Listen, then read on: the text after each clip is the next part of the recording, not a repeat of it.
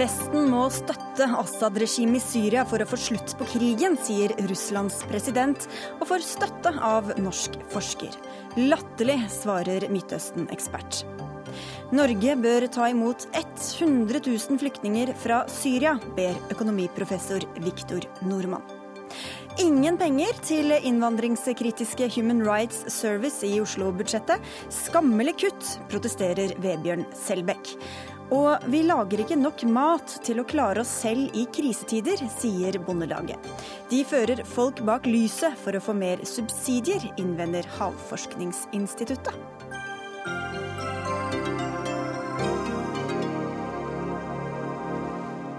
Og det er noen av sakene i Dagsnytt 18 på NRK P2 og NRK2 denne fredagskvelden.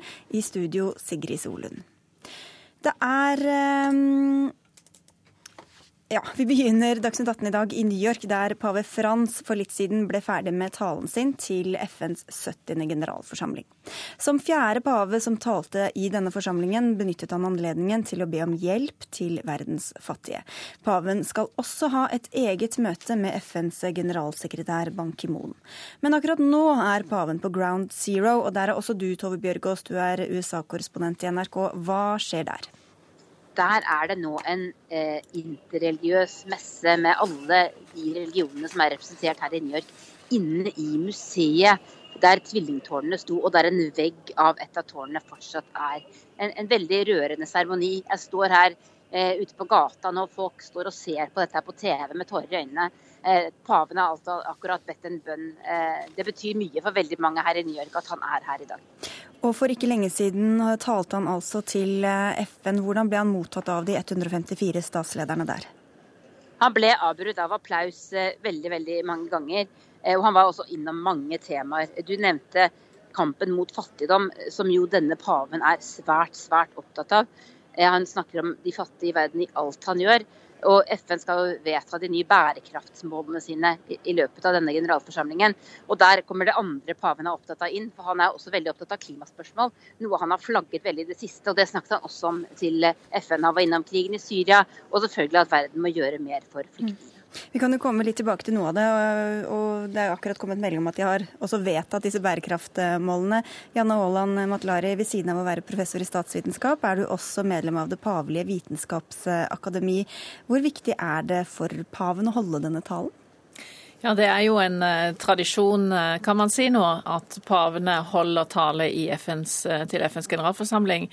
Og eh, Den hellige stol, eller Vatikanstaten, er medlem av FN som en stat med en eh, litt annerledes status, men det går tilbake til diplomatiets begynnelse, egentlig. At eh, man, var, man eksisterte lenge før, før, statene ble til.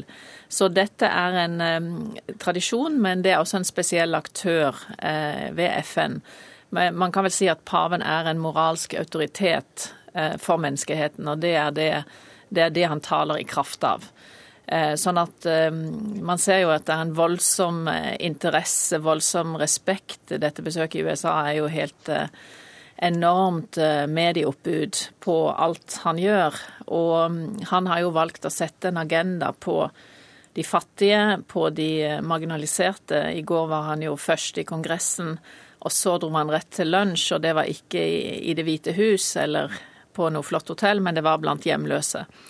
Eh, denne talen i FN som eh, ble holdt nå, var eh, av en litt annen karakter, fordi den, skulle, den var mer høytidelig i og med at den skulle snakke om FN 70 år, for det er jo et jubileum i år. Så han snakket en del om folkerettens betydning, om rettferdighets... At stater er på en måte kommer ofte i konflikt og til og med krig. Hvordan kan man stoppe det jo ved å ha en eh, mest mulig eh, på en måte arena for rettferdighet, og det er jo kun FN som er en verdensarena. Så han var veldig opptatt av det. Mm. Og han nevnte faktisk Dag Hammarskjöld, som ga sitt liv for FN, den svenske generalsekretæren i sin mm. tid. Og så, Som du var inne på, Tove Bjørgaas, så var han innom klima, et tema han også har snakket om tidligere, og som har vakt en del reaksjoner. Hvordan blir dette mottatt i USA? Det er klart, Her er det jo fortsatt splittelse. Det spørsmålet i går var eh, pave Frans i Kongressen.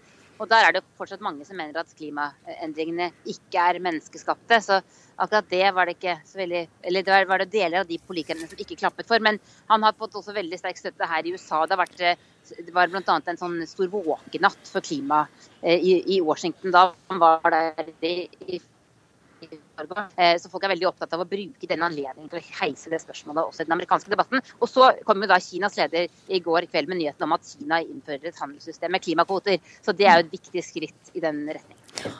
Og så, og så, snakket han også i går eh, til Kongressen om at USA er et land av innvandrere. Var det også noe som vakte unison begeistring, eller hvordan var det med det? Et annet veldig omstridt spørsmål der. ikke sant? Og Det er jo eh, et faktum at, at at det er veldig mange av de nye innvandrere her som, som både er fattige som ikke har papirer som gjør at de kan bo her, og som trenger å få en løsning på det. og Det er det også splittelse om her. Men det som også er et faktum er at, at veldig mange av latin, de latinamerikanske innvandrerne i USA de er jo katolikker. Så de har vært veldig veldig opptatt av at paven skal komme. og Det gjør også at dette eh, besøket tror jeg får enda mer oppmerksomhet enn tidligere pavebesøk har fått. Hvor samlende er han for katolikker nå i USA ved denne anledningen? Jan Holland? Ja, jeg var litt overrasket, eh, altså positivt overrasket over at kommentarene i USA er veldig begeistret. Altså på en måte hvis man begynner å si er han konservativ, er han liberal, er han eh, sosialist, så blir det gærent. For det blir politiske kategorier. Så det han forsøker å gjøre er en slags eh, brobyggerrolle. Eh, og det er en gammel pavetittel fra antikken, Pontifex Maximus, den store brobygger. Og det er Han forsøker å tak, si at kristendommen gjelder, eh, gjelder altså helt basale ting. og det gjelder at alle er med, for å bruke et uh, politisk uttrykk eh, fra Arbeiderpartiet her. Men altså den Han uh, sier liksom du kan ikke late som om alt er i orden hvis de fattige, hvis de utstøtte osv. Så det var en som skrev veldig morsomt, syns jeg veldig godt, så skrev hun If you like Francis, you'll love Christ. Så ikke sant, at han er en eh, Han prøver hele tiden å peke på ved det han gjør og det han sier, at alle, er, eh, alle har samme menneskeverd. Og det gjør, gjør, at han går jo til disse stedene som, eh, sant, som man vanligvis ikke forventer at statsledere og kanskje til og med religiøse ledere ikke vil besøke. Tove? Ja, jeg, hvis jeg kan komme inn helt kort, så, så er det også et faktum at selv om at Eh, Det er, antallet ikke-troende øker i dette landet, så er det et stort flertall av amerikanere som fortsatt er religiøse. Også de har også en veldig stor respekt for religiøse ledere. og Det er jo et av landene i verden, kanskje det landet i verden med flest eh, religioner representert. Så de har en respekt for, for en slik religiøs leder. Men det er jo nokså politisk landskap som man beveger seg i, som du var inne på også, Janne Aaland Atlari. Hvem ja, ja. er det han hisser på seg, da? Ja, altså Det er jo eh, mange som sier og han snakker bare om kritikk av kapitalismen. Men hvis man ser på kirkens sosiallære, som er da liksom eh, hva betyr kristendommen for politikk, så er det en kapitalismekritikk i eh, dette med grådighet. Altså når pengene, når mammon er målet, så går, forsvinner Gud ut. Så forsvinner det menneskelige ved mennesket ut. Og det er en kritikk som pave Johannes Paul var veldig opptatt av, skrev mye om i 92, Centesimus annus. Og det, var jo, det ligner jo litt på den unge Marx, for han skrev også om hvordan mennesket blir fremmedgjort. Men det er når pengene blir selve målet det går gærent. Det er ikke kapitalismen som system. Men det er finere nyanser her som Veldig lett kan man ikke sant, med moderne medier liksom ta ett sånn slogan og si at dette høres ut som en eh, skikkelig marxist. Eh, akkurat som han sa om Benedikt, at han er så konservativ. Det stemte heller ikke. Og USA går bananas, i hvert fall Tove Bjørgaas. Absolutt. Jeg tror det er noe sånt som 8000 journalister som er eh, akkreditert her. Og i, i, i Philadelphia, dit han skal i morgen, der kommer det 1,5 millioner katolikker. Takk skal du ha, Tove Bjørgaas, og tusen takk til deg, Janne Haaland Matlare, for at du kom til eh, Dagsnytt 18. Og det er flere viktige temaer som skal behandles i New York de kommende dagene. Ett av dem skal vi eh, snart snakke mer om også. Hør Dagsnytt 18 når du vil. Radio nrk.no. Men først til eh, noe ganske annet, eh, som det heter. Noen får mer og andre får mindre i budsjettforslaget som byrådet i Oslo la fram denne uka. Og atter andre får ingenting. Den innvandringskritiske organisasjonen Human Rights Service har fått 1 million kroner i året de siste årene, etter at Fremskrittspartiet har forhandlet med byrådet om budsjettet. Men neste år ligger det an til at de får kroner null fra kommunen. Og dette fyrte opp deg litt, Vebjørn Selbekk. Du er redaktør i Dagen, og du var også her i studio tidligere i uka i forbindelse med at du mottok Fritt Ords honnør. Hvorfor ble du skuffa over dette? Det er fordi jeg mener at Human Rights Service er en veldig viktig motstemme i en veldig sentral og viktig debatt, integreringsdebatten, som jeg syns mange av aktørene og organisasjonene som er med der, også de som blir offentlig støtta, de mener stort sett det samme. Human Rights Service mener noe annet, bringer til torgs andre meninger, andre perspektiver, og har betydd mye i denne debatten. Det var dem som satte tvangsekteskap på dagsordenen først. Det var dem som snakka om omskjæring av, av, jenter, og har fått til mye eh, positivt på det området. Så jeg syns det er en stemme som vi trenger, en viktig stemme, og derfor reagerer jeg på at man skal kutte støtten til dem. Vi har også snakket med bl.a. Hege Storhaug i Human Rights Service, eh, som ikke kunne komme, men som fortalte at dette er veldig viktige penger eh, for dem. Halstein Bjerke fra Venstre, du er byråd for kultur og næring i Oslo inntil videre, får vi vel si. Eh, dere har aldri prioritert dem i de opprinnelige budsjettforslagene, Nei. men gitt dem penger etter forhandlinger med Frp, som jeg var inne på. Det er ikke vi, da, men bystyret har gjort det. Bystyret. Nå blir det antagelig ikke noe av med nytt flertall i kommunen. Hva syns du da om at ikke de får mer penger? Eh, ja, det får så være. De, jeg må jo si at jeg syns ikke de er noen viktig eh, stemme heller, men, eh, men det er nå min sak. Denne potten de får støtte fra, er altså kommunens integreringsmidler. De går til konkrete inkluderingstiltak i kommunen, f.eks. Antirasistisk Senters JobbX for å få unge innvandrere i jobb. MIRA-senterets tiltak for å integrere innvandrerkvinner. Eh, og små og store organisasjoner i Oslo som gjør konkret arbeid for å fremme integrering. Det er altså ingen støtteordning for eh, politiske tenketanker, slik Human Rights Service eh, definerer seg som, eller for, for å være verken noen forstemme eller noen motstemme i noen debatt. Så de har alltid ligget på siden av hva som er formålet med denne støtteordningen. Hvorfor har dere vært med på å gi dem penger år etter år, da? Nei, vi har, altså, Byrådet i Oslo har aldri innstilt på å gi støtte til Nei, Human Rights Service. Dere har også skrevet under på å gi dem penger år etter år, da? Ja, altså, det er jo enkelt hvordan det foregår. Som byråd så har vi aldri innstilt på å gi det støtte, men så har eh, Fremskrittspartiet i bystyret da hvert år ønsket å gi det støtte, og så har mine kolleger i bystyret gått med på det. Og Det er grunnen til at de har fått støtte fra Oslo kommune. Vi har aldri innstilt på å gi det støtte tidligere, og da skjønner jeg ikke at det er så overraskende at vi heller ikke gjør det i år. Men hva er det de gjør som er så viktig på integrasjonsfeltet, da, som gjør at norske skattebetalere i Oslo skal betale med 1 million kroner i året?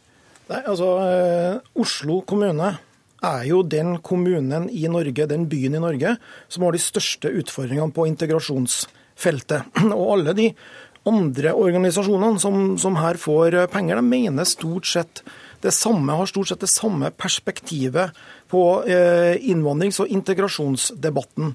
Eh, Human Rights Service har et annet eh, perspektiv, en stemme som også trengs. Hvis vi skal komme videre i denne debatten, så må vi ha ulike stemmer. Og de har vist før at de kan sette viktige ting eh, på dagsordenen. Men bidrar de til integrasjon, etter ditt syn? Ja, det gjør de absolutt. Jeg mener tvangsekteskapsdebatten.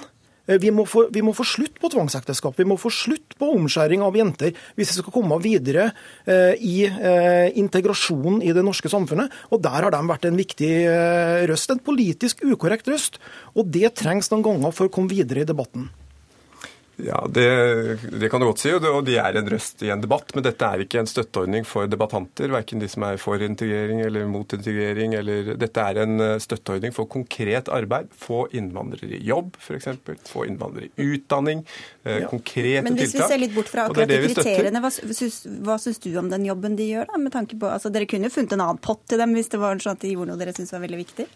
Ja, nå, vi opererer jo innenfor de forskriftene vi har, og vi har forskrifter for alle støtteordningene våre. De faller helt i grenseland av hva som er intensjonen med denne forskriften. Derfor har vi aldri innstilt på å gi de støtte. Derfor fikk de heller ikke støtte i år.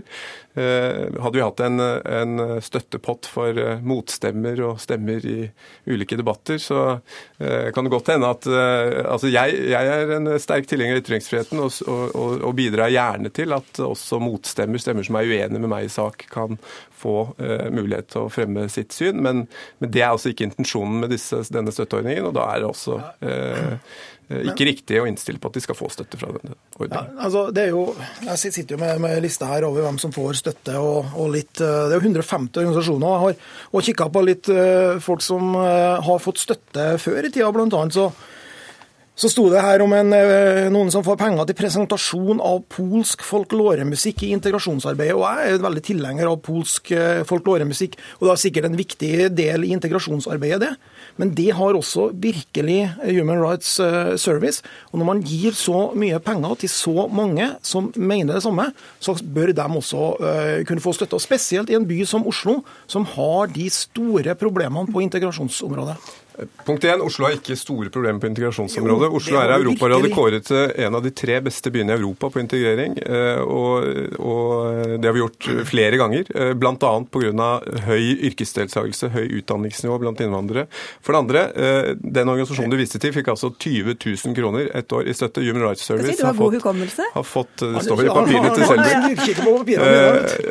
Human Rights Service har altså fått 1 million. Hele denne potten er på 5 millioner kroner. Det er 150 organisasjoner som nyter godt av den. De fleste får 10 000, 20 000, 30 000 kroner. Og så skal en organisasjon sitte og få en million av denne potten. Hvor fornøyd er du med den pengebruken som dere da har gått med på så langt? Ja, det det syns jeg, synes jeg er eh, bortkastede penger. Jeg syns de pengene kan brukes veldig mye bedre på mange konkrete integreringstiltak i byen vår, og ikke på å støtte politiske Så dere har gått med på bortkastede penger år etter år, da? Det er, jo, det, er en, det er, jo, en, eh, grei innrømmelse fra en politiker som har sittet og hatt ansvaret for dette, her, at han har kasta bort eh, skattebetalernes penger.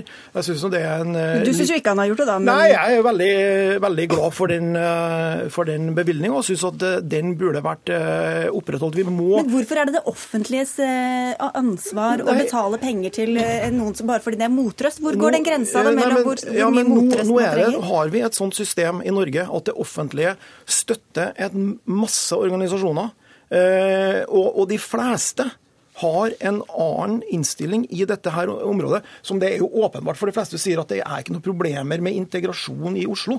Det tror jeg er åpenbart for de fleste når man ser uh, den debatten. Hvis du, måler Europa, hvis du måler Oslo opp mot andre byer, både i Norge jo, men, og i Europa, så ja. er Oslo blant de i Europa som gjør dette aller best. Vi har likevel okay. store problemer, men, det må du vel innrømme. Det er liksom et lite sidespor, Vebel Selbekk, eh, selv om jeg skjønner at du drar det opp her. Men, men hvor går grensa for hvem som skal få, uh, få penger så lenge de er en motstemme? Er det det som er den store argumentasjonen? Ja, når de andre som ja. mener Men nynazister, f.eks., er også ja, men, altså, ikke, ikke, til uh, forkleinelse for noen, men altså, det, det, Nei, det syns jeg Det, det, det reagerer jeg på. Når ja, jeg sier trekke, absolutt ikke at de er nynazister. Jeg bare spør sånne. hvor grensen går. Eh, nei, altså, Nå snakker vi om en konkret eh, organisasjon som jeg mener har virkelig gjort en kjempejobb for de som har problemer. Eh, ikke minst for eh, jenter, kvinner, Eh, innvandrerkvinner som, som, ikke har det så bra i, det, i den fantastiske byen som, som, som, du snakker om her. De har gjort en kjempejobb, og den syns jeg eh, vi bør ta oss råd til når vi gir så mye penger til organisasjoner, la dem også få beholde støtten sin. For det er veldig mange som får penger, Halstein Bjerke, og, og de er jo stort sett ganske enige sånn i det politiske ståstedet, kanskje? De får, det er ingen som får penger ut fra meningene sine, de får penger ut fra hva de gjør og de tiltakene de gjennomfører. Antirasistisk Senter får ikke penger for debattdeltakelsene sine, hvor mange ganger det er i Dagsnytt 18. De får penger for JobbX, et konkret tiltak for å få unge innvandrere i jobb, og de har 70% suksessrate på det kurset. Så det politiske så det ståstedet til HRS har ingenting å si for om de får støtte fra dere? Nei, det har de ikke. Jeg er en, jeg er en knallforkjemper for ytringsfriheten, og, og, jeg må til og med si at de eh, og, og, og sånn sett stor respekt for Bjørgen Selbekk, med motdebattant her, som har stått virkelig i, i ytringsfrihetens første rekke i striden. Og i, i hans debatter mot bl.a. Jonas Gahr Støre, som jeg til og med sier at jeg, jeg, var enig med han flere ganger, og det hører du nok ikke ofte fra en ung liberaler fra Oslo.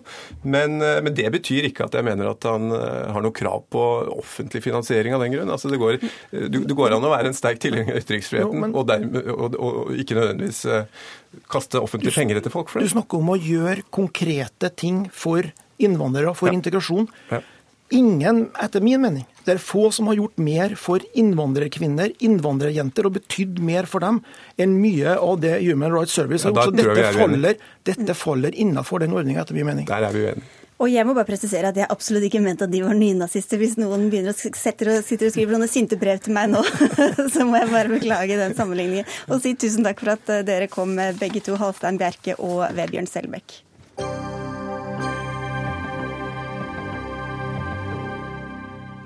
Det er ikke bare paven som er i New York og på FN-toppmøtet. Også den russiske presidenten Vladimir Putin besøker byen og skal ha et møte med USAs president Barack Obama.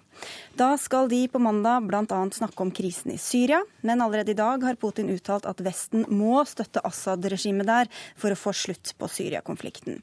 Og Helge Lurås, du er leder for Senter for internasjonal og strategisk analyse og har skrevet en kronikk i Dagbladet hvor du støtter dette synet. Hva mener du Vesten må gjøre overfor Assad? Altså, vi, er, eh, vi, er, fire år inn i en borgerkrig, over 200 000 drepte. Vi har stillstand på bakken. Eh, den tilnærmingen Vesten har hatt, har ikke fungert. Befolkningen i Syria forventer nå 10-20 år med fortsatt krig, og flykter for av forståelige grunner landet. Jeg tror at eh, vi strengt tatt står overfor to alternativer i Syria. Det er enten Assad-regimet, forsona med opprørerne, men hvor opprørerne har en underlegen rolle i den forsoningsprosessen mot da islamsk stat. I den situasjonen der mener jeg at Vesten bør snu og vende støtten som de nå gir til opprørerne, til Assad-regimet i samarbeid med andre parter, og også forhåpentligvis i dialog med de som nå støtter uh, opprørerne mest intenst, og Tyrkia, Qatar og Saudi-Arabia. Men Hvordan kan det være veien å gå til fred og støtte en diktator som dreper uh, sitt eget folk? Jeg tror at det faktum at Assad fortsatt sitter, regimet som sådan, ikke bare er én mann, har vist at regimet har hatt større legitimitet enn mange av oss i Vesten antok når dette eh, tok til i 2011. Og at om ikke legitimiteten er så stor, så er det mange som anser fortsatt regimet for å være det minste av de ondene de nå ser på horisonten. Midtøsten-forsker Kai Kverme, du er ikke helt eh, enig i dette. Hvorfor er ikke dette veien å gå, mener du? Nei, jeg mener det er helt fåfengt. Eh, la meg bare ta tak i det siste som blir sagt her. At regimet har større legitimitet enn man eh, kanskje trodde i starten. Uten den massive iranske støtten eh, til dette regimet militært og økonomisk med politisk ryggdekning fra Russland, hadde dette regimet vært ferdig for lenge siden. Nå er det slik på bakken i Syria at det for alle praktiske formålene er iranerne som styrer denne krigen på Assads, eller på dette regimets vegne. Det så vi nå senest i Zabadani, eh, hvor iranerne direkte fremforhandla en, en, en langtids Eh, våpenstillstand mellom Hizbollah, deres egen filial på den ene siden, og syriske opprørere på det andre. Assad-regimet var ikke engang med på disse diskusjonene. Russland rykker sterkere militært inn i Syria nå. Høyst sannsynlig gjør de det for å prøve å redde restene av dette regimet. Regimet har lidd voldsomme tilbakeskritt siden februar-mars i år. Og Det sammenfaller jo med at man fikk en ny konge i Saudi-Arabia, som har tonet ned disse konfliktene blant de landene mm. Lurås nevner, Qatar, eh, Saudi-Arabia og, og, og, Tyrkia. Så, så, det blir på en måte å, å støtte eh, en død mann, dette her med å støtte Assad. Assad er ferdig. Regimet, at man må snakke med regimet og få regimet med med på en overgangsløsning og få dette inn til å få i gang en politisk løsning, det er hevet over enhver tvil. Men det er for så vidt ikke så veldig annerledes det jeg sier. Jeg snakker ikke om Assad som person, men jeg snakker om regimet. Jeg tror nok at det er vanskeligere som sådan for også regimets overlevelse å ofre lederen. Og det tror jeg i hvert fall er noe spesielt iranerne, men nok også russerne på mange måter forstår, er at det kan svekke regimet som sådan. Mitt poeng er i hovedsak at de institusjonene som regimet har, er noe som bør videreføres i den situasjonen. Ellers så kan vi risikere å få en veldig kaotisk situasjon med en rekke ulike militser og små grupper. Og i fravær da av en internasjonal fredsbevarende styrke, så er jeg vanskelig for å se at det kan bli en stabil politisk situasjon framover. Ja, for du sier at noen må vinne denne krigen, altså at enten så må vi støtte IS, eller så må vi støtte Assad-regimet nærmest? Ja, altså det er, jeg, jeg, tror i hvert fall når det gjelder IS, så er det vanskelig å se for seg noen som helst slags politisk uh, løsning til slutt som ikke har en militær, sterk militær dimensjon. Jeg mener også at det er litt for enkelt å si at dette ikke har en militær løsning, men en politisk løsning. Uansett så vil den politiske løsningen måtte reflektere det militære styrkeforholdet på bakken. Og det er nå veldig fastlåst, i og med at ja, det er riktig Iran, Russland støtter regimet, men det er også vesentlige aktører som støtter opprørerne. Så der står vi.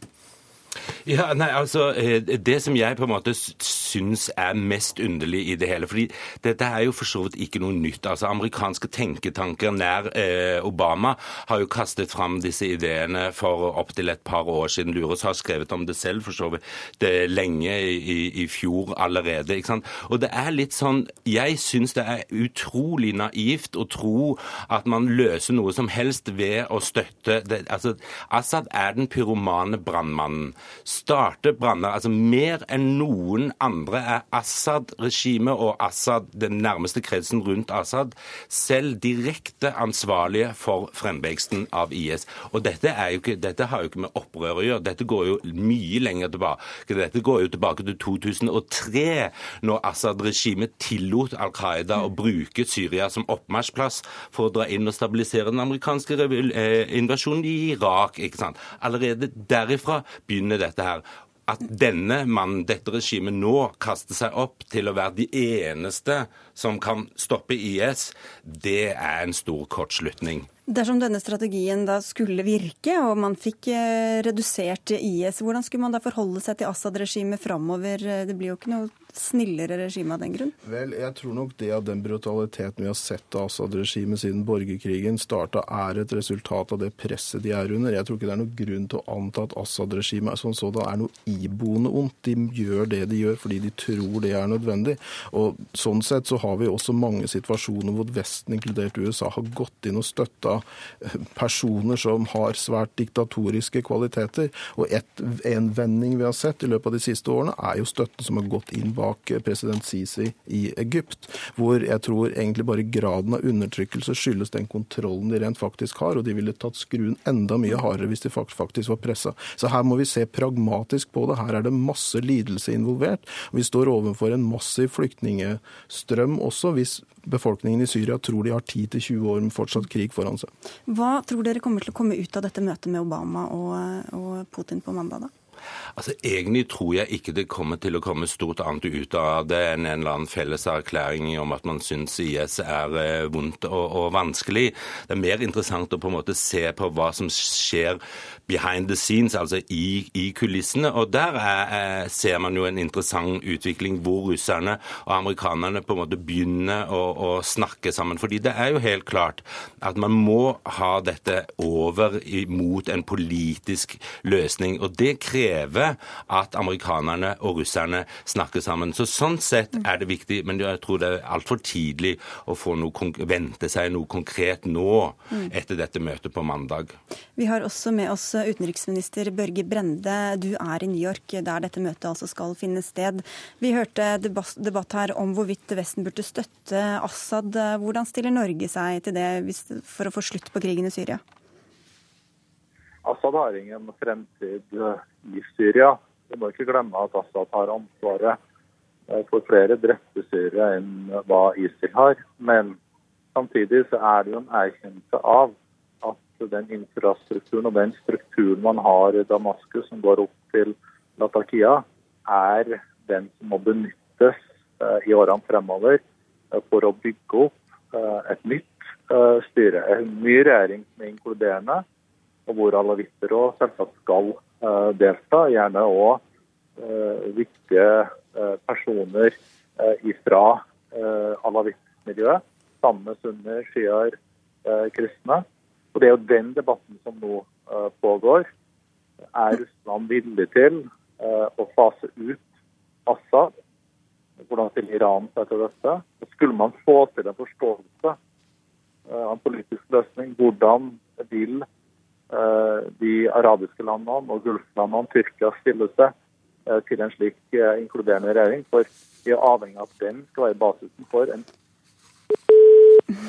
der forsvant eh, Brende. Men eh, tilbake til deg, Lyros. Hvordan mener du at Norge da burde forholde seg til Assad-regimet, uten at vi har noen sånn direkte linje inn dit? Nei, altså Norge er jo avhengig av å følge en linje på vestlig side, og det er bare USA som egentlig kan stå i ledelsen for det her. Så Norge må i så fall da jobbe med å influere USA som sådan. Men jeg er ikke spesielt uenig i noe av det Børge Brende sa der. Altså, han sier jo også at man må ta utgangspunkt i de strukturene som regimet har. Og Det er jo regimet jeg snakker om, ikke Assad som person som sådan. Men hvis man aksepterer regimet, så aksepterer man jo sånn sett også det regimet har stått for, og der er bare Assad et symbol. Men når det er sagt, jeg tror det er også viktig å huske på at USA og Europa har kanskje litt ulike interesser her. USA kan i mye større grad leve med en langvarig borgerkrig i Syria fordi de ikke blir så direkte ramma, både når det gjelder terroraspektet og når det gjelder flyktningkrisen. Så her må Europa også se sine egne interesser. Og nettopp denne flyktningkrisen skal vi høre litt mer om seinere i Dagsnytt 18. Da skal vi diskutere Viktor Nordmanns forslag om at Norge bør ta imot 100 000 flyktninger derfra. Takk skal dere ha begge to, Helge Lurås og Kai Kverme, og til Børge Brende som forsvant så brått.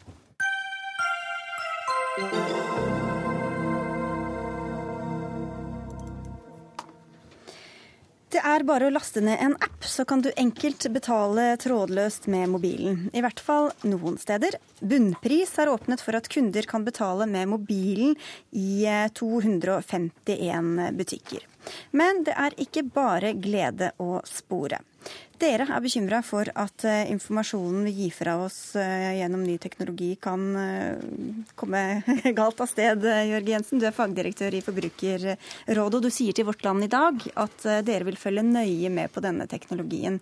Hva er problemet med at noen vil gjøre det lettere for oss å betale på butikken? Ja, Da vi så at disse tjenestene begynte å komme på markedet, så, så satte vi oss ned og så hva er forbrukerrisikoen her?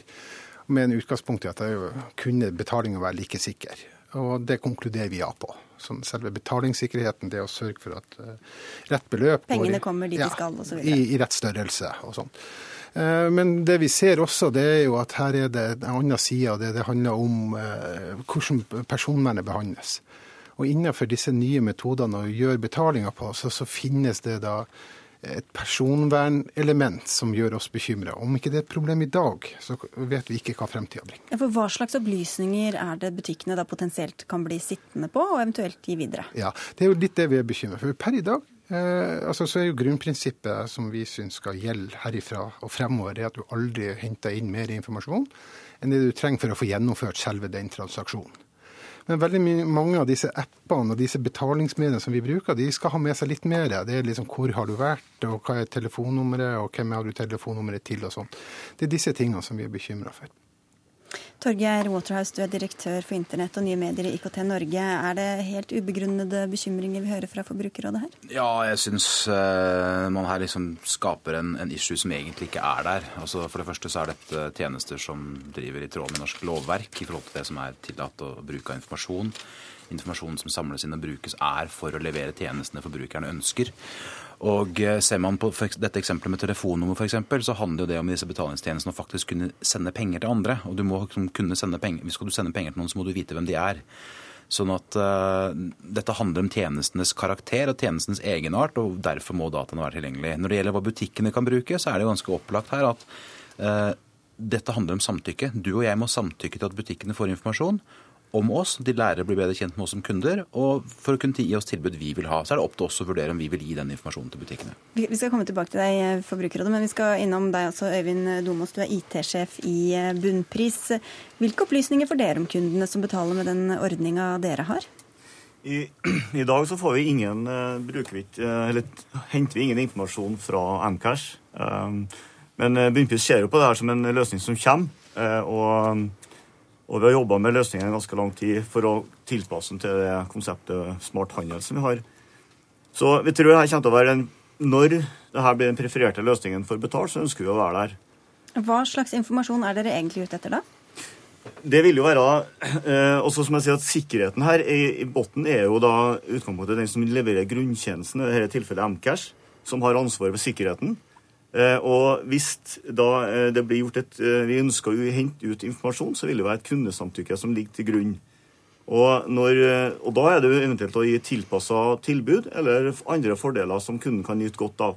Altså at dere f.eks. registrerer at hun kjøper veldig mye sånn og sånn, og hvis dere har på tilbud av det, så kan dere sende en SMS om det eller et eller annet sånt? Ja, kan, slik type informasjon kan, jeg, kan, vi bruke til den type til tilbud eller fordeler.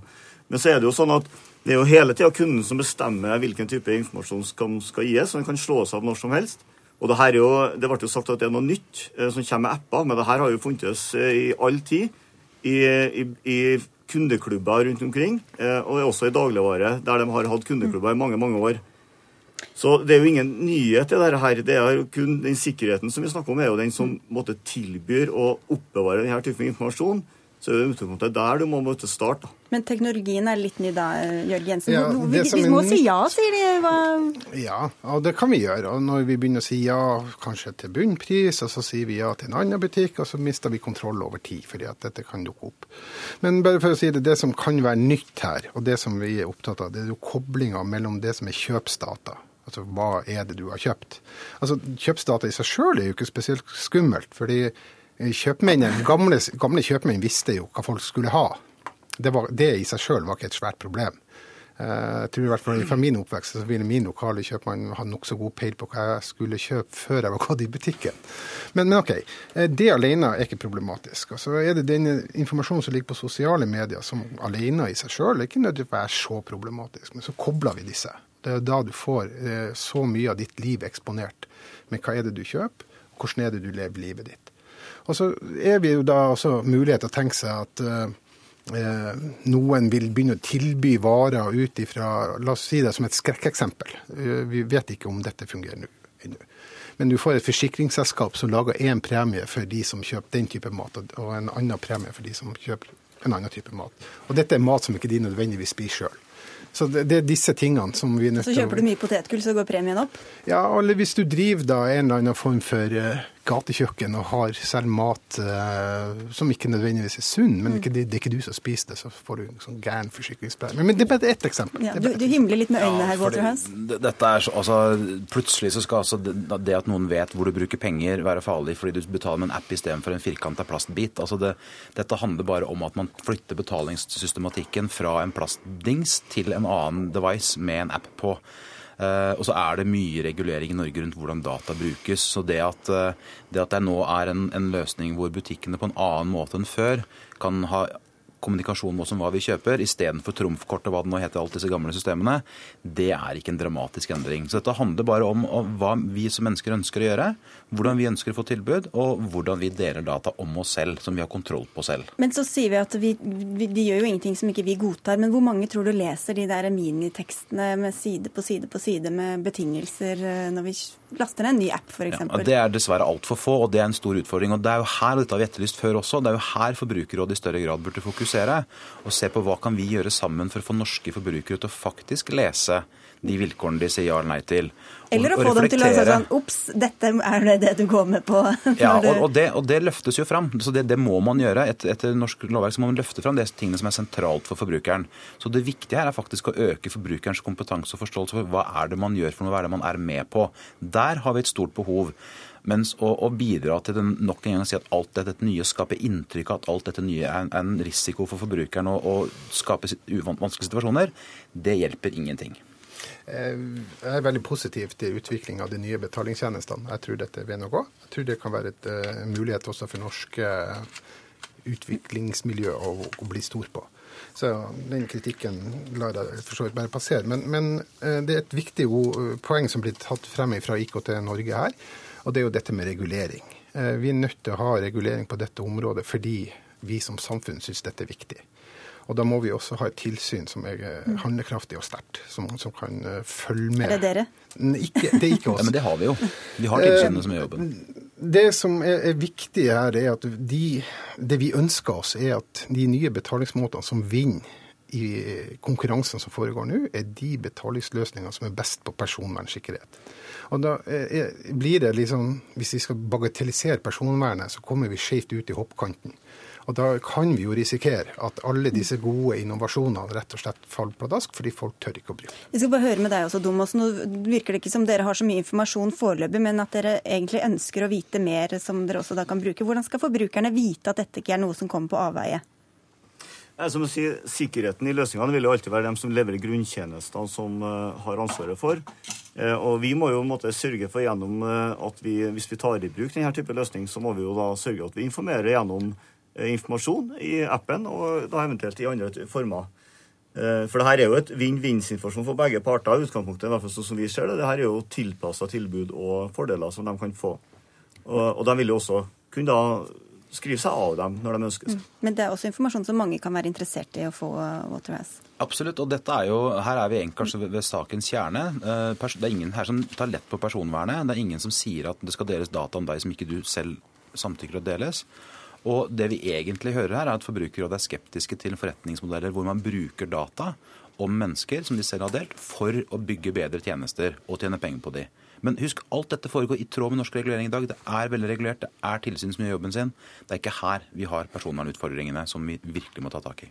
Og de eh, får vi heller komme tilbake til en annen gang og si tusen takk for denne runden. Jørge Jensen fra Forbrukerrådet, Torgeir Waterhouse fra IKT Norge og Øyvind Domås fra Bunnpris. Takk skal dere ha. Dagsnytt 18 alle hverdager klokka 18. På NRK P2 og NRK2.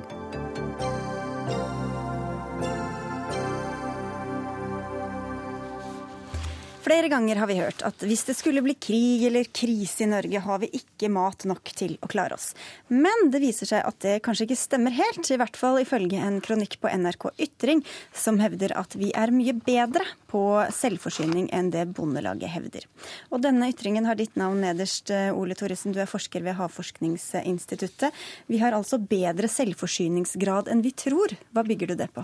Ja, Det bygger ganske enkelt på at vi eh, eksporterer enorme fiskemengder per år. Faktisk alt nok til å dekke proteinbehovet til rundt 40 millioner mennesker.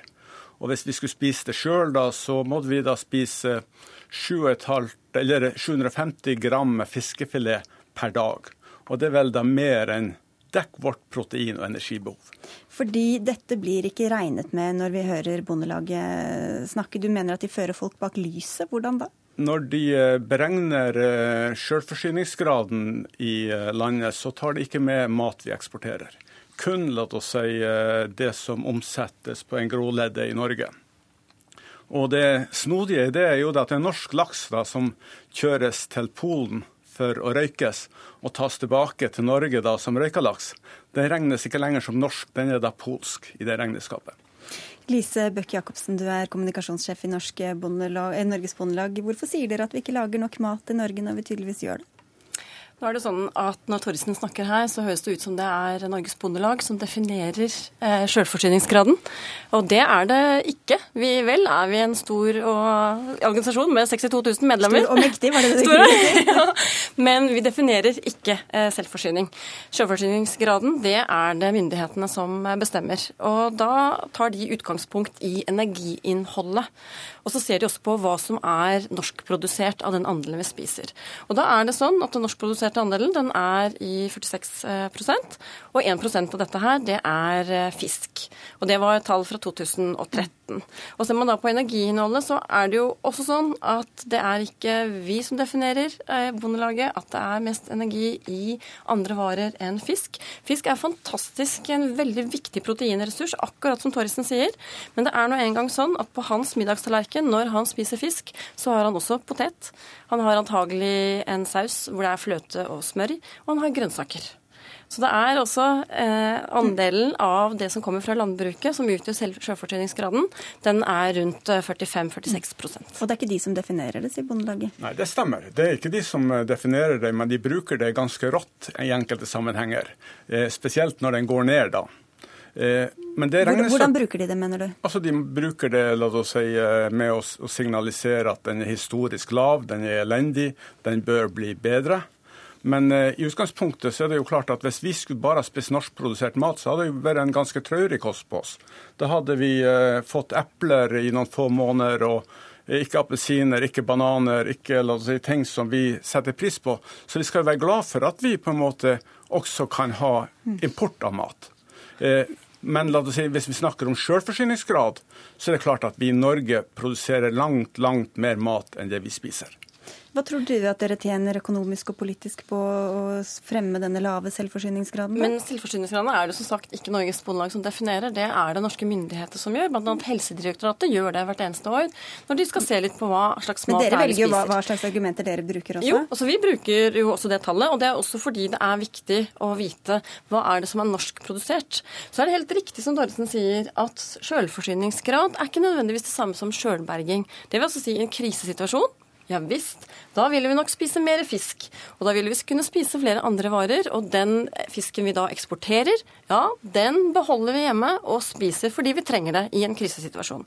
Men da har jo erfaringen vist fra siste verdenskrig, fra ulike andre forskningsmiljøer som har sett på vi klarer å spise opptil 10-12% fisk i en krisesituasjon, men vi klarer altså ikke spise mer i forhold til, til den graden. Så Hvorfor den, klarer vi ikke det? Fordi du trenger energi fra andre varer. Fordi det er energiinnholdet som gjør at du blir mett. og derfor er det sånn andre varer. Ja, jeg, og jeg tror eh, egentlig hun bør lese historien litt bedre. For tradisjonelt, eller historisk sett, så har vi jo sett det at i krisetider så trekker folk ut mot havet. Mot havet, for der kan du skaffe deg mat nok til enhver tid. Men det, problemet er jo at det tallet der er feil. Altså det er på en måte eh, feil å kalle det si, en selvforsyningsgrad. Blant annet så tar det ikke med hobbyfiske og la oss si, turistfiske i Norge. Det som tas opp da av la oss si, husholdningene langs kysten.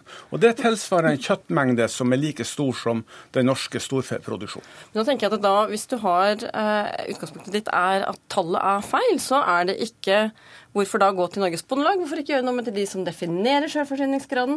For det er klart, vi bruker tallet, men mange andre bruker også tallet. Og så tenker jeg da, én ting.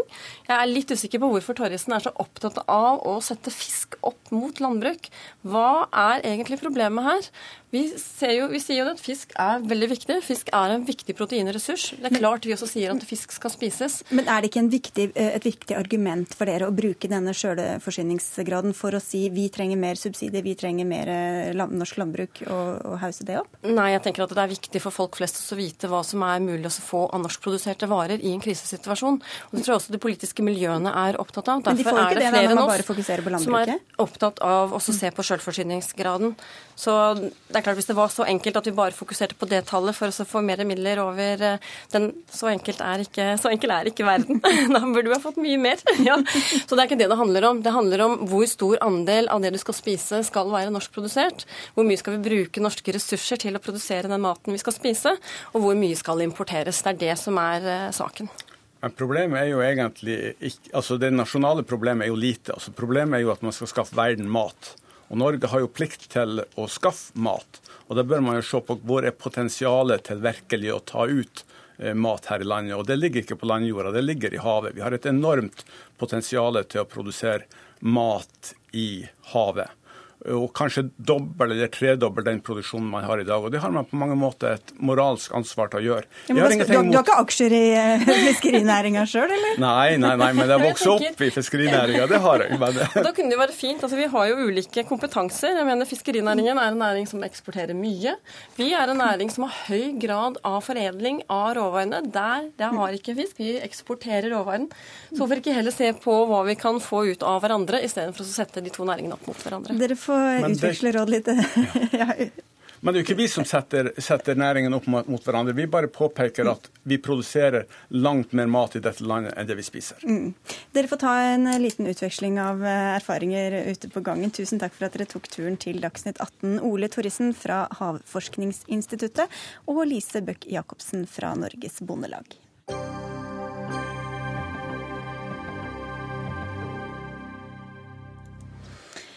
I sommer diskuterte stortingspartiene intenst hvor mange syriske flyktninger som Norge skal ta imot, og etter lange dragkamper landet et flertall på tallet 8000 over tre år. Etter det har flyktningene strømmet innover Europa, Norge inkludert, og nordmenn samler inn tepper, mat, klær og penger for å hjelpe både dem som er her og dem som er i Syria og områdene rundt. Og dette hjertelaget må vi utnytte til å ta imot mange flere. Faktisk 100 000 flyktninger, skrev du i Dagens Næringsliv nylig, Viktor Nordmann. Du er professor ved Norges handelshøyskole. Et utspill som vakte en viss oppsikt. Hvorfor kom du med det nå? Eh, fordi at vi står overfor den største flyktningkatastrofen vi har hatt siden annen verdenskrig. Fordi at dimensjonene er så store eh, at det er viktig at vi også tar inn over oss hvilken størrelsesorden vi snakker om. Vi er et av de rikeste land i verden. Eh, vi har plass til veldig mange. Eh, vi har en vilje til å hjelpe.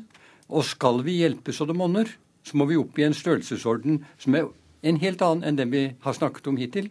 Og tallet 100 000 er et eksempel for å illustrere det. Ja, Hvordan landet du akkurat der? Eh, nei, nøyaktig 100 000. Det er rundt 2% av Norges befolkning. Det vil koste sannsynligvis i størrelsesorden 2 av årsinntekten vår, og det kan vi klare. Så tror jeg samtidig det er et tall som, hvis vi virkelig tar en dugnad, vi kan klare å gjøre på en god måte og kan gjøre rimelig raskt. Og så står det i et rimelig forhold til hva Tyskland har sagt at de er villige til å ta imot. Om I dette tallet inkluderer du både flyktninger som er eh, i og rundt Syria, og asylsøkere på landeveier og i båter, og som like gjerne kan være fra andre land, hvis jeg har forstått deg rett? Ja, Skal vi hjelpe folk, så er ikke jeg den som vil sjekke passet før jeg hjelper. Jeg synes, skal vi hjelpe folk som er i nød, så hjelper vi først, og så kan vi eventuelt sjekke passet etterpå. Og Det viktige tror jeg også at vi må ikke la asylsøkerstrømmen fortrenge behovet for å hjelpe de som er i flyktningleir i Syria. Og Ved å ta et så høyt tall som det jeg antyder, så har vi mulighet til å hjelpe godt blant de som er i flyktningleirer, og samtidig håndtere strømmen av asylsøkere på en riktig måte, og en riktigere måte enn det vi ser eksempler på i Øst-Europa. Den dragkampen vi står på Stortinget endte med 8000 over tre år. Hva er ditt eh, tidsperspektiv? Så fort som overhodet mulig. Jeg tror altså vi, vi må rulle opp skjorteermene, og så må vi gjøre jobben så fort og raskt som det er mulig å få den til. Så må vi være villige til å kanskje kutte noen hjørner underveis i bygningslover og sånn for å klare å bosette folk.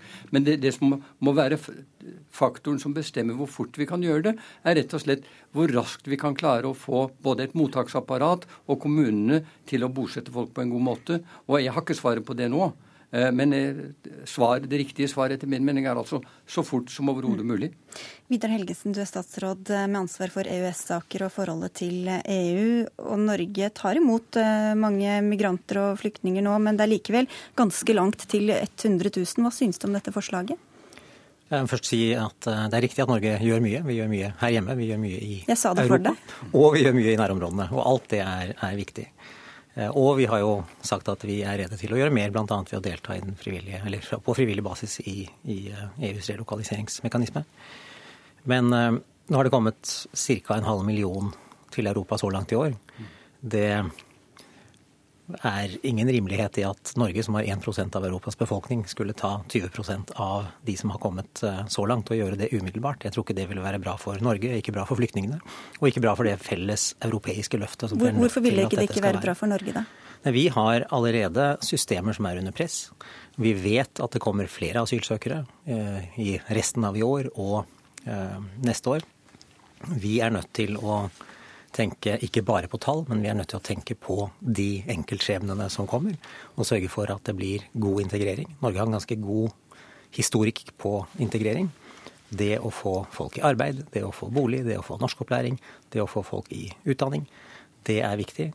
Og skal vi klare det, så må det være eh, Så må vi, må vi eh, ikke bare tenke på at vi skal ta inn flest mulig, vi må også tenke kvalitet i integreringen. Ja. Det, det, er jeg helt enig i. Men vi må jo også se dette i forhold til hva alternativet er. Og Sør-Europa er overbelastet. Sør-Europa klarer ikke å takle det antall folk som er der. Og Sør-Europa er samtidig en økonomisk krise som gjør at de ikke har økonomiske forutsetninger for å gjøre en god jobb. Og da syns jeg det må være viktigere at vi gjør en bra jobb for veldig mange, enn at vi gjør en veldig god jobb for relativt få. Og, men hvordan kan du vite at norske kommuner vil ta imot, når allerede i dag eh, Solveig Horne må sitte og ringe rundt og be dem ta imot de som allerede har fått uh, opphold? Ja, For det første så, så, tror jeg holdningen i norske kommuner er forskjellig i forhold til integrering av flyktninger og generelt, og, og det å håndtere en stor, akutt krise som folk ser på TV og på andre måter hver eneste dag. Eh, samtidig så vet vi at kommunene kan klare det hvis det ikke hadde vært for at de for det første mangler penger, så vi må gi de penger til å klare det. Og for det andre har problemer med å få bosatt folk fordi at kravene vi har til bolig til folk som skal bosettes i kommunene, er så høye at det i seg selv er en hindrende faktor. Og da blir det beste det godes fiende, og det er det jeg prøver å peke på. Ja, Kanskje kutte litt ned på krav til universell utforming, eller hva det er alle mulige ting som man må ta hensyn til hele tiden. Vidar Helgesen. ja. Jeg tror Nordmann har helt rett i at vi eh, allerede er der. Det ser vi jo, at eh, kapasiteten er sprengt, og at det fører til at vi ikke får den kvaliteten i mottaket som vi skulle ønske. Når folk sover ute på gaten, så klarer vi ikke det. Og det er fordi her har det kommet veldig mange på veldig kort tid. Og det forteller oss at vi må tenke praktisk. Det er uhyre viktig at vi får en god dugnad mellom det offentlige og frivillige organisasjoner. Det gjøres mye frivillig, og i går så var det flere statsråder som møtte de frivillige organisasjonene. Og vi skriver brev fra regjeringen til kommunene men, om at de må gjøre det samme. Men hvordan utnytter dere denne dugnadsånden som Viktor Nordmann også er Det er nettopp ved at vi nå har bedt, eh, kommer til å skrive brev til kommunene og be dem om å gå i dialog med de frivillige kreftene lokalt. For dette kommer ikke myndighetene til å klare alene. og Sivilsamfunn og frivillige organisasjoner kommer heller ikke til å klare det alene. Vi må løfte sammen. Og, og da skal vi klare mye, og vi vet at det kommer mange. Og det, det tallet vi snakket om i Syria-forliket er jo allerede Det er viktig fordi det er kvoteflyktninger, det er en egen spesiell gruppe. Men tallstørrelsen er jo blitt mye større, og da må vi sørge for at vi bortenfor tallene håndterer menneskene på en skikkelig måte. Men, Victor, men, men, men, men må, vi ikke, må, vi ikke, overdrive dimensjonene her, da? Altså Hvis man fulgte mitt forslag, så ville altså en norsk kommune med 10 000 innbyggere måtte bosette 200 flyktninger i løpet av et år eller to eller tre. Det er ikke flere større tall enn det vi snakker om. Og det er klart at kommunene er i stand til å gjøre det, hvis de bare får økonomiske forutsetninger for å gjøre det, og samtidig får lov til å gjøre det på en praktisk grei måte. Men tror du den dugnadsånden og hjertelaget som du snakker om, ville opp, blitt opprettholdt dersom det kom inn flyktninger i den størrelsesorden som du skisserer? Og folk så hva det faktisk koster? Ja, Hvis folk får det nær inn på livet og ser hva det handler om Det jeg vil være reddest for, er at hvis vi får veldig mange flyktninger som blir sittende lenge i asylmottak på steder hvor de er fjernt fra folk flest, og utfordringen til folk flest så først kom et år eller to senere, da tror jeg vi kunne få problemer. Men hvis vi bruker den dugnadsånden folk har vist nå, til å si at nå er vi i stand til å rulle opp skjorteermene og gjøre en stor jobb, så tror jeg ja, jeg tror kommunene ville stille opp, og jeg tror folk ville stille opp. Og, ikke, og, vike litt fra den, eh, de, de, reglene og de, den ja, saksgangen som vi har i dag? Da. Det var jo litt tragisk da vi så eksempelet på, på det asylmottaket i Kongsberg som kommunen sa at de ikke kunne åpne fordi at uh, man hadde ikke søkt om tillatelse til å ta bygningen i bruk til bolig. Altså, det, det, Den slags ting må vi bare få ryddet av veien. Rydd av veien, Vidar Helgesen. Ja, jeg må gi uh, Nordmann den honnør at han reiser en viktig debatt. Og han sa jo selv i denne debatten til å begynne med at uh, tallet 100 000 var et tall han hadde valgt som et eksempel for å dra i gang denne debatten. Og vi trenger å ta den debatten. For det er vanskelig. Han kunne like gjerne sagt 120 000 eller 90 000. Jeg tror ikke han er nede på 8000, for å si det sånn. Ja, Nei, men det er heller ikke realiteten i dag, at det er snakk om 8000. Det er men hvor viktig er det økonomiske aspektet for, for, dere, da? At, ikke, at, det koster for mye? Altså Finansavisen har regnet på at dette skal koste 430 milliarder kroner. Det er jo et litt omstridt tall. Men uh, ut fra Viktor, Viktor Nordmanns forslag, hvor viktig er det økonomiske aspektet? Det er klart Vi må klare å håndtere dette økonomisk, men vi må vel så mye klare å håndtere dette med en viss kvalitet. Selv om vi må lempe på noen eh, krav og kriterier, så må vi sørge for at vi håndterer situasjonen, og at vi møter enkeltmenneskene med gode tilbud. Så trekker jo Nordmann opp en annen debatt som også er viktig. Det er nemlig det med den langsiktige demografien i Europa. Jeg har lyst til å komme inn på det også. fordi Vi trenger mer arbeidskraft i Norge, men der er det jo andre europeiske land som trenger mye mer, som har en mye dårligere demografisk utvikling. Så de fortjener disse flyktningene mer enn oss? Det er ikke minst de øst- og sentraleuropeiske landene, som kanskje er de som er mest skeptiske til å ta imot. De har virkelig behov for arbeidskraft. Tyskland har virkelig behov for arbeidskraft. Men de tar vel imot den arbeidskraften ja, også? Ja, men det er nok eh, Du skal ikke se bort fra at eh, det henger sammen med at de trenger en halv million ekstra arbeidstakere per år de neste 10-15 årene. Ja, for du sier, Norman, at det, at det, nødvendig, at det ikke nødvendigvis er så Eller du sier det er kostbart, men at det også kan lønne seg på sikt eh, til en viss grad? La, la, la, meg, la meg, først presisere. Skal vi hjelpe flyktningene, så skal vi gjøre det ikke for at de, fordi at det skal være butikk på lang sikt, men for at det skal være etikk. Mm. Eh, så mener jeg, og det mener jeg veldig grundig, og det er mange økonomer som deler det synet, at ikke bare er Norge et underbefolket land, men vi har behov for flere folk for å få laget miljøer og byer og steder som har kritisk masse til at det faktisk vil klare å, å hevde seg i, i, det lange løp. Så vi trenger flere folk like mye som resten av Europa gjør det. Eh, så opererer altså noen skeptikere med noen tall som er helt ville. Det er fordi at de antar at vi ikke vil være i stand til å integrere flyktninger sånn at de kommer i arbeid, blir bosatt og blir gode borgere i Norge. Den troen har jeg at vi vil klare. Eh, og da får de som ikke tror det, de får tro på sine regnestykker. Men det tallet som Finansavisen har operert med, er helt vilt. Mm. Unnskyld at jeg sier det. vi får ikke gå lenger inn på det, vi må avslutte sendingen. Men fra en høyremann til en annen, dette blikket på regjeringas politikk med det første, Helgesen. Nei, det blir det ikke, men eh, vi er enig i at det trengs en kjempeinnsats. Mye innsats er på gang, men vi kommer til å måtte forberede oss på å gjøre enda mer i tiden som kommer. Både i år og i årene som kommer. Og dette skal vi helt sikkert snakke mer om. Tusen takk i denne omgang i hvert fall til dere, Vidar Helgesen og Viktor Nordmann. For Dagsnytt 18 er over for i dag og for denne uka. Og eh, vaktsjef Ida Tune Øresland, tekniker Frode Thorshaug og jeg, Sigrid Solund, ønsker god helg.